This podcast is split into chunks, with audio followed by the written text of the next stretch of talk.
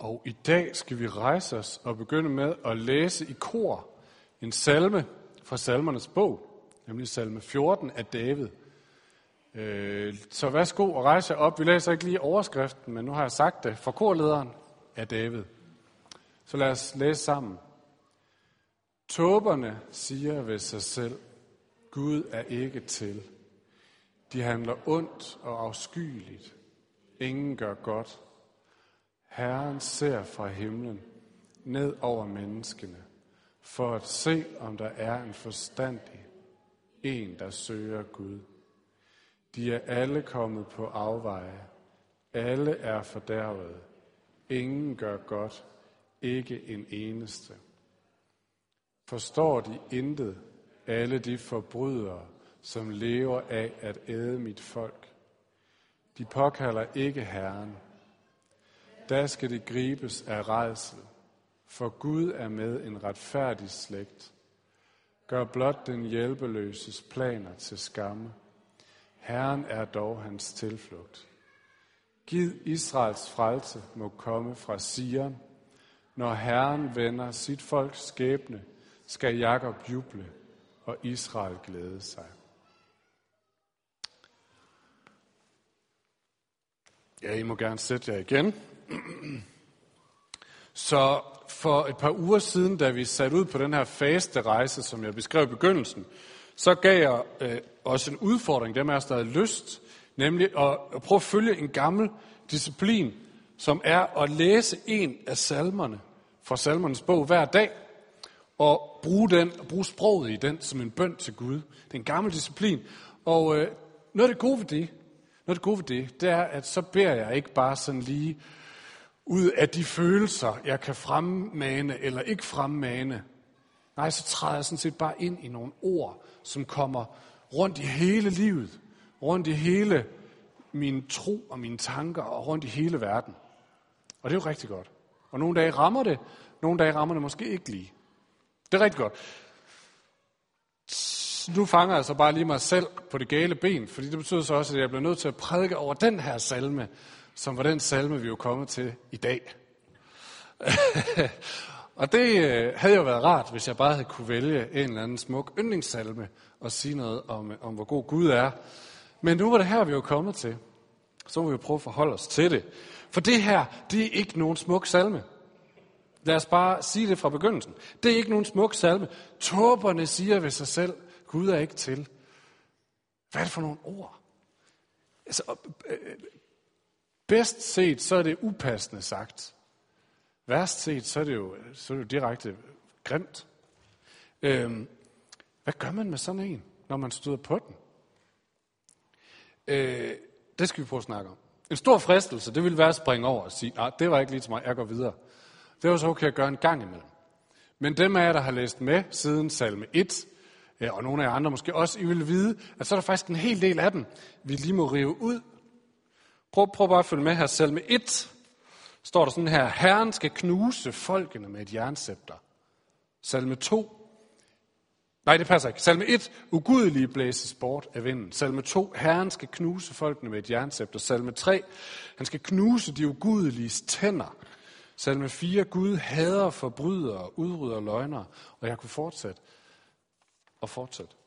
Jeg satte mig og læste, bare sådan skimmede salmernes bog igennem, og jeg fandt 35 Øh, øgenavne eller skældsord for dem, som forfatterne til salmen er, salmerne er uenige med. Alatober og forbrydere og meget grimmere ting end det.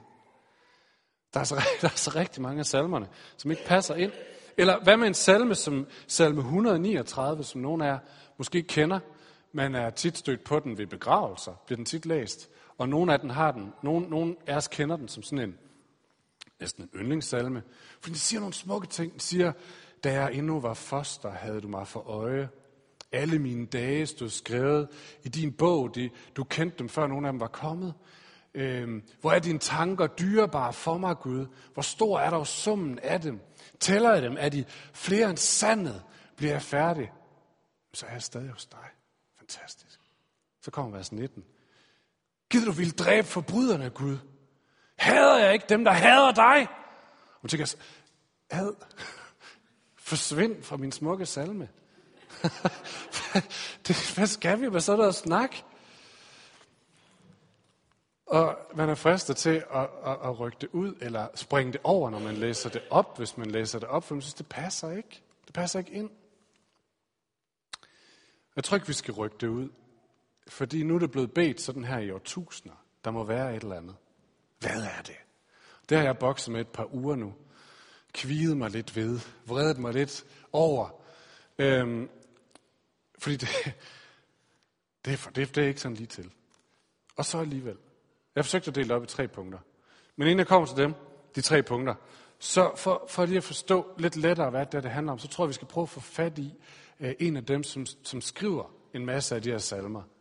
Øh, faktisk de fleste af dem, nemlig øh, David. Og David er kort sagt en mand, som levede midt i livet, midt i verden. Han, øh, han var konge i Israel for cirka 1000 år siden. Nogle af jer kender hans historie, nogle af jer gør måske ikke.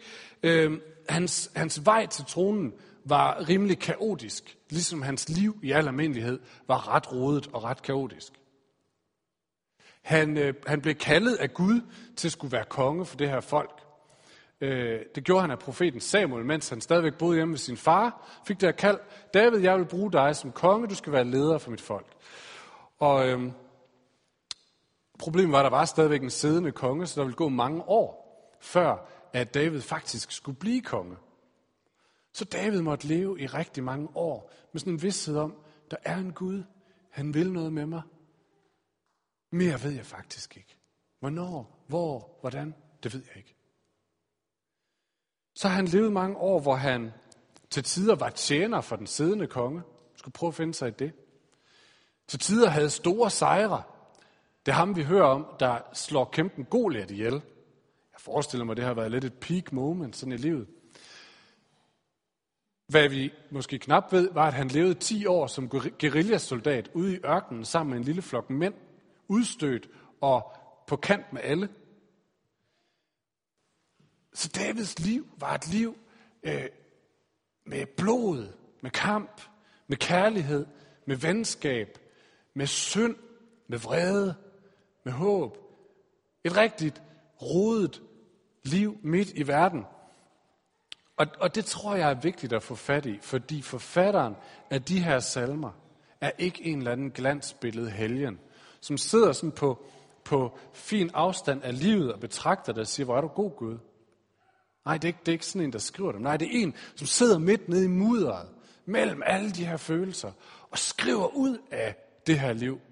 Skriver ud af alt det, han oplever omkring sig. Det kunne sådan set være os. Det kunne sådan set være os, hvis vi nu satte os ned hver dag og beskrev, hvordan vi oplevede livet. Hvis vi havde det som David, vi ved, der er en Gud, han vil noget med os. Men timingen, hvordan, hvornår, hvorfor, det ved jeg ikke. Og nu lever jeg her, midt i verden. Hvordan vil vi beskrive det? En dag, hvor man sidder hjemme under sit nyklippede æbletræ, solen skinner, en kold øl i hånden. Hvad vil man skrive? David ville skrive, Herren er min hyrde, jeg lider ingen nød. Han lader mig ligge i grønne enge. Wow. Det er sådan en dag. Men hvad så den dag, hvor jeg føler, at jeg står fuldstændig alene med alt det, jeg gerne vil?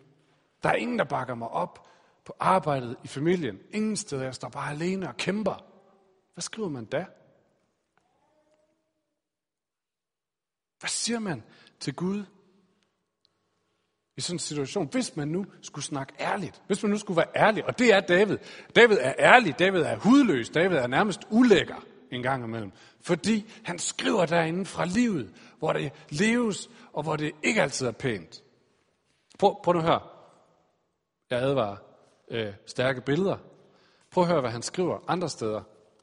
Knus armen på de ugudelige, Gud. Eller salm 58. Gud, slå tænderne ud på dem. Det siger han. Eller sådan her. Han, altså Gud, holder dom blandt folkene. Han dynger lige op. Han knuser hoveder ud over den hvide jord. Det er sådan, David forholder sig til livet i sin barskhed. Eller måske værst, det er ikke David, der skriver det, men det er øh, nogle andre jøder øh, nogle år efter David, skriver sådan, at lykkelig dem, der griber dine spædbørn og knuser dem mod klippen. Står der i salme 137. Det er ikke skrevet på en solskinsdag under æbletræet med bare tær. Det er ikke et nødråb om hjælp. Kære Gud, hjælp mig. Nej, det her, det er rendyrket had. Det er skrevet på livets skyggeside i mørkets dal. Men igen, hvorfor skal vi have den slags i vores Bibel? Hvorfor skal vi have den slags til at sidde og, og, og, og glæde os ved? Hvorfor skal vi Læs den slags til en gudstjeneste?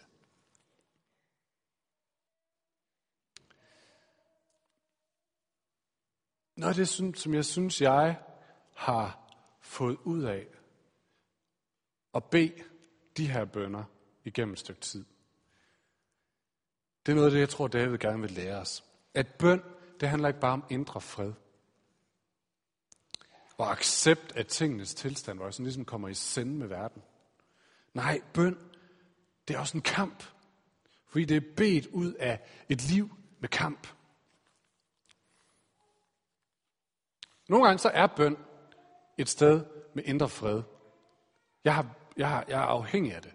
At kunne sætte mig midt i en hverdag eller en tidlig morgen og finde indre fred med Gud og acceptere tingenes tilstand og finde et punkt af ro midt i det hele. Og David har masser af salmer, som, som eksemplificerer det. Fald til ro, min sjæl, for Herren har handlet vel imod dig, skriver han. Fald til ro, min sjæl. Men det er ikke kun bøn. Det er ikke sådan en verdensfjerntrækken sig tilbage. Nej, andre gange, så bøn det sted, hvor jeg kæmper med Gud. Kæmper over alt det, som jeg møder i mit liv. Og det er ikke altid solskin og bare tær. Nogle gange så er det uretfærdighed. Nogle gange så er det ondskab. Og min følelsesmæssige reaktion er vrede, er indignation, altså oplevelsen af at være uretfærdigt behandlet, eller måske ligefrem had.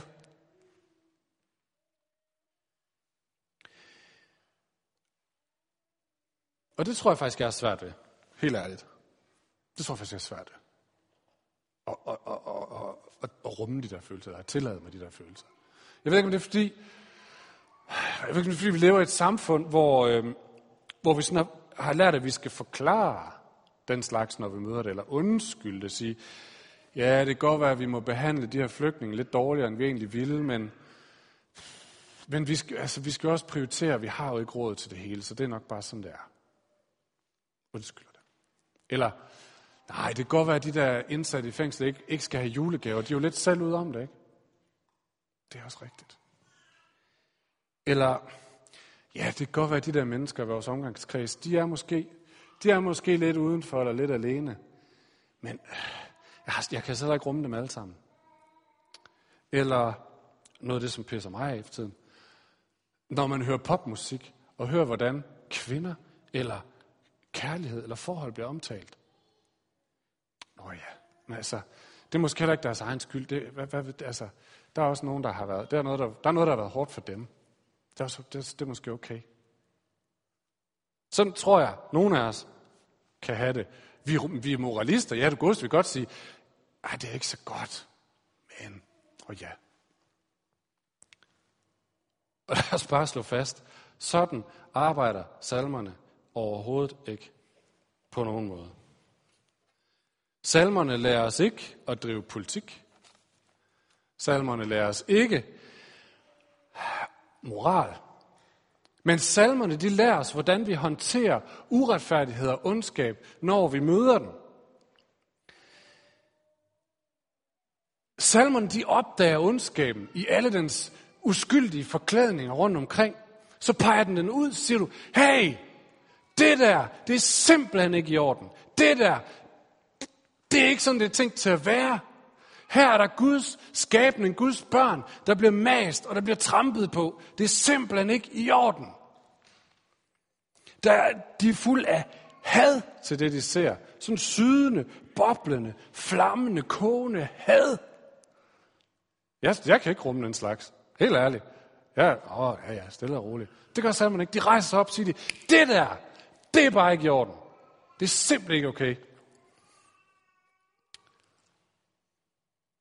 Jeg læner mig lidt tilbage i accept til, nej, fair nok. Det gør salmerne ikke. De vil have kamp. De vil have kamp. De vil have blod. De vil have fjenden trukket ud i lyset. Have peget på ham. Have ham ned med nakken. Have ham ud nu. Så er det slut. Og salmerne giver plads til den slags. Og salmerne giver mig sprog for den slags.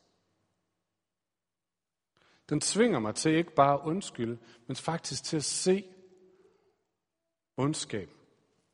Der er en forfatter, jeg har læst, en engelsk, amerikansk præst, der hedder Eugene Peterson. Han siger det på den her måde. Had, hold godt fast, had er vores følelsesmæssige link til ondskabens virkelighed. Altså, vi føler, at ondskaben er til. Vi føler, at der er noget her, der ikke er godt nok, og så reagerer vi. Og i forhold til ondskaben, der er vi ikke sådan nogle bløde forhandlere. Nej, der er vi blodige krigere.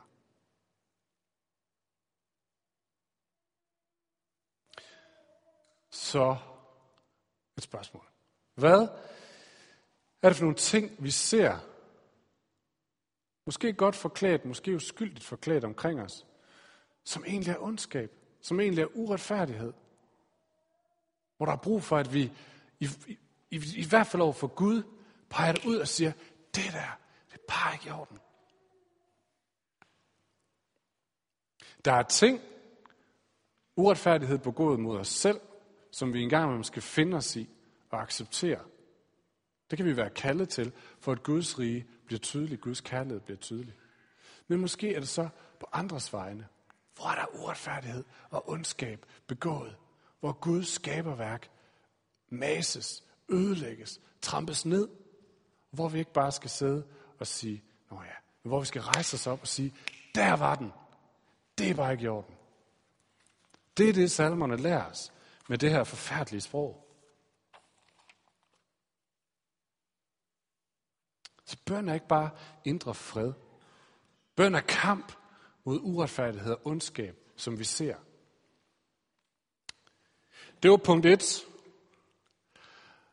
Kom punkt 2, og de bliver kortere og kortere.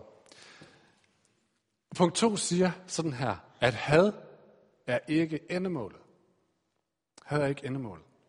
Igen ham her, Eugene Peterson, præsten fra USA, han, øh, han siger noget, som jeg synes er ret, ret godt sagt. Han siger, nogle gange er hadet den eneste følelse, med nok power til at trænge igennem vores malighed. Had er måske et stærkt ord. Vi kan sige vrede, vi kan sige utilfredshed eller indignation, altså den her oplevelse af at være uretfærdigt behandlet. Måske er det det eneste, der kan få os op af stolen og i kontakt med, øh, at noget forkert sker. Så hadet er en god starter. En god starter til at rykke os op. Det er vreden, det er indignationen også. Men det er ikke den bedste måde at færdiggøre ting på. Det er det ikke. Jeg læste på et tidspunkt, at, øh, og det ved dem af jer, som øh, arbejder med kommunikation og journalistik, at øh, det, som får flest mennesker til at klikke på en annonce, det er, hvis der er en eller anden indignation, et eller andet, hvor jeg kan blive forarvet. Det kan få os til at trykke, at det vil jeg også godt være forarvet over. Tak. Det er virkelig en god starter. Problemet er så bare, hvis ikke det leder til andet, end at ja, så er vi i fællesskab rigtig forarvet. Det løser ingenting. Overhovedet. Så får vi en forfærdelig kultur, hvor vi alle sammen sidder forarvet på hinanden og alle sammen. Det er en god starter, og salmerne rummer vreden og hadet og utilfredsheden. Og så bruger den det. Hvad bruger den det til? Jo, den bruger det til, at hvis vi tager det med hen til Gud og bruger tid sammen med ham, om det vi er vrede over, det vi hader, når vi ser det, så er det måske første skridt på vejen til at se, at Gud har en anden måde at håndtere det her på. Gud har en anden måde at håndtere ondskaben og uretfærdigheden på.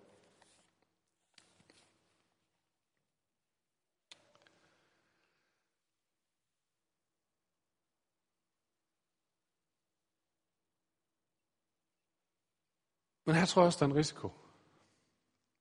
Nogle af os har måske lært, lidt ligesom jeg har, øh, Jesus, fra Jesus, som skriver bjergprædiken, og han skriver en smuk etik om, hvordan, hvis du bliver slået på den ene kind, så vend den anden til. Eller hvis nogen begår noget uretfærdigt mod dig, så skal du bare øh, lade dem gøre det. Eller give dem noget mere. Find dig i det. Og øh, så når vi oplever uretfærdigheden, så siger vi, at vi er kaldet til at, at bukke os, til at dukke os. Og så er vi blevet lidt, ligesom jeg nogle gange synes, jeg selv er, vi er blevet rare, bløde, sådan blåede bamser, som sådan går rundt her i verden. Og prøv at høre, det er en verden fuld af glupske ulve, som lever af at æde Guds folk, som salmen siger det. Og så måske så, så opdager vi ondskaben, så siger vi, hov, hov. Og så håber vi, at det stopper, hvis vi lige siger hov, hov.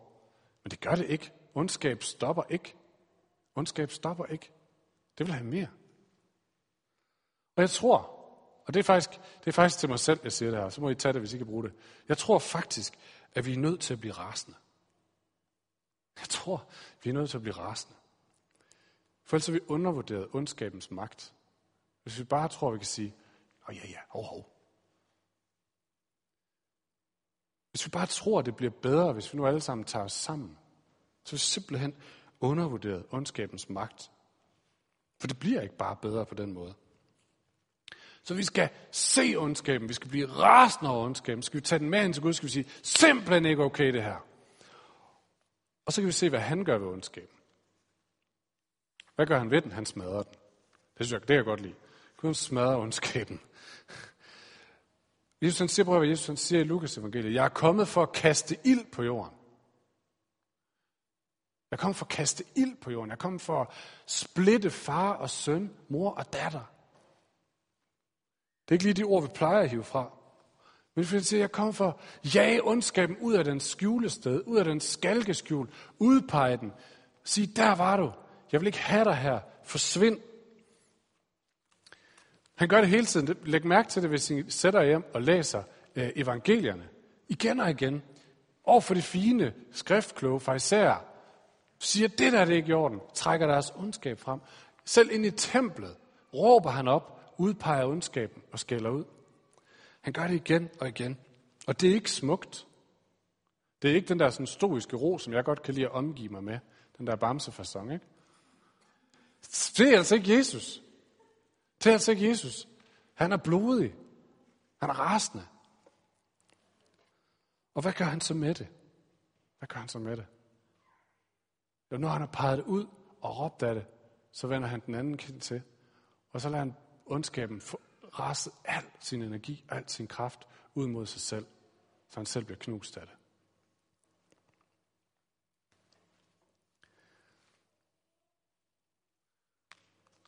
Og det ser vi på korset. Der ser vi ikke, at han griber sværd og går ud og jager alle onde ned. Nej, på korset, så har han udpeget ondskaben, og så vender han den anden kendt til og lader ondskaben få frit løb på ham selv. Og så på samme tid, på samme tid, så elsker han og er omsorgsfuld over for alle dem, som er blevet ramt af ondskaben.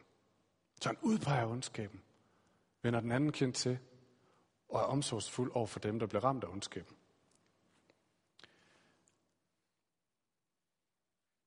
Så vi må ikke springe over og blive rasende over ondskaben, men vi skal heller ikke tro, at raseriet og hadet mod ondskaben er, eller mod det onde, er løsningen.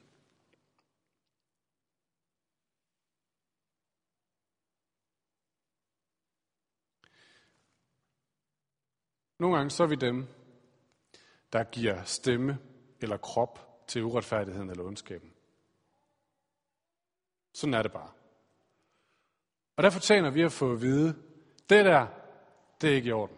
Det er simpelthen ikke godt nok at blive kaldt til orden. Og det sker også igen og igen i Davids liv, som, vi, som ham vi begyndte med at læse om.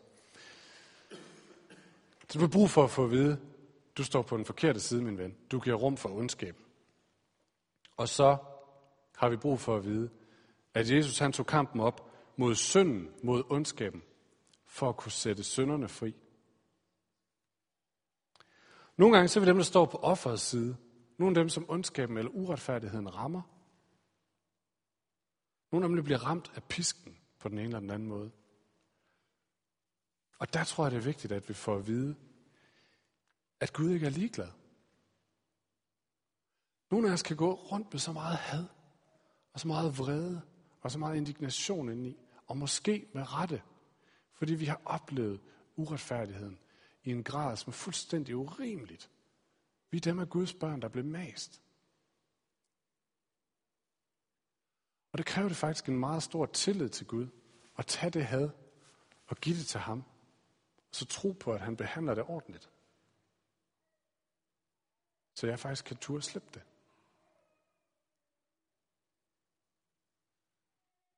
Og tro på det, Bibelen siger, at Gud vil dømme ondskaben. Og når han gør det, så bliver det hårdt. Så vi skal ikke dømme.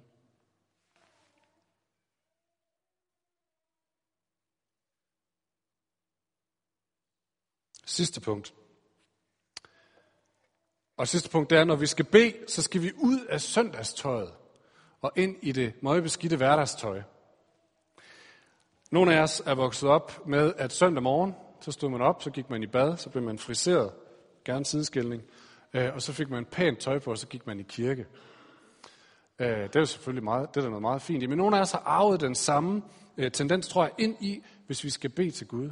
Så vil vi egentlig gerne præsentere os fra vores pæneste side, og vise, hvordan vi egentlig har nogenlunde styr på det, og hvordan vi måske kan nogle, nogle fromme ord, eller nogle fromme vendinger i vores bønder. Og det tror jeg, at David han lærer os noget andet. For David han har ikke taget søndagstøjet på den her dag, da han beder. Nej, han kommer virkelig i hverdagstøjet med alle de pletter, som er fra hverdagen. Pletterne fra øh, et skænderi med naboen. En dum ting, man gjorde, eller en sårighed, eller en vrede, eller et eller andet åndssvagt. Et, noget tøj og et liv, der er fuld af pletter, og går ind til Gud med alt, hvad det er, og taler det sprog, som er bag den jakke fra hverdagen.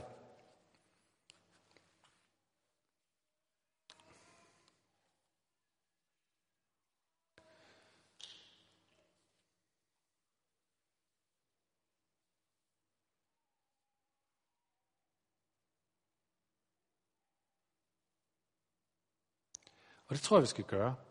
Vi skal turde gå ind i bøn, ikke som en from praksis, eller ikke som sådan en from handling, men med alt, hvad vi er fra vores hverdagsliv. Fordi vi er ikke kaldet til at være nikkedukker med blød hat, som sådan siger pænt ja og Nej, vi er kommet. Vi er kaldet til at være meget mere dem, der er midt i Guds skaberværk. Lever i den spænding mellem, vi ved, der er en Gud, men vi ved også, hvad det her liv det er fuld af. Og vi udpeger ondskaben, når vi ser den. Vi raser imod den. Og vi bringer det til Jesus og vi lader ham dele med ondskab og uretfærdigheden. Verden har brug for, at, det er sådan, at der er nogen, der gør det, og vi er kaldet til at gå foran og gå den vej. Lad os slutte med at rejse os op og bede sammen.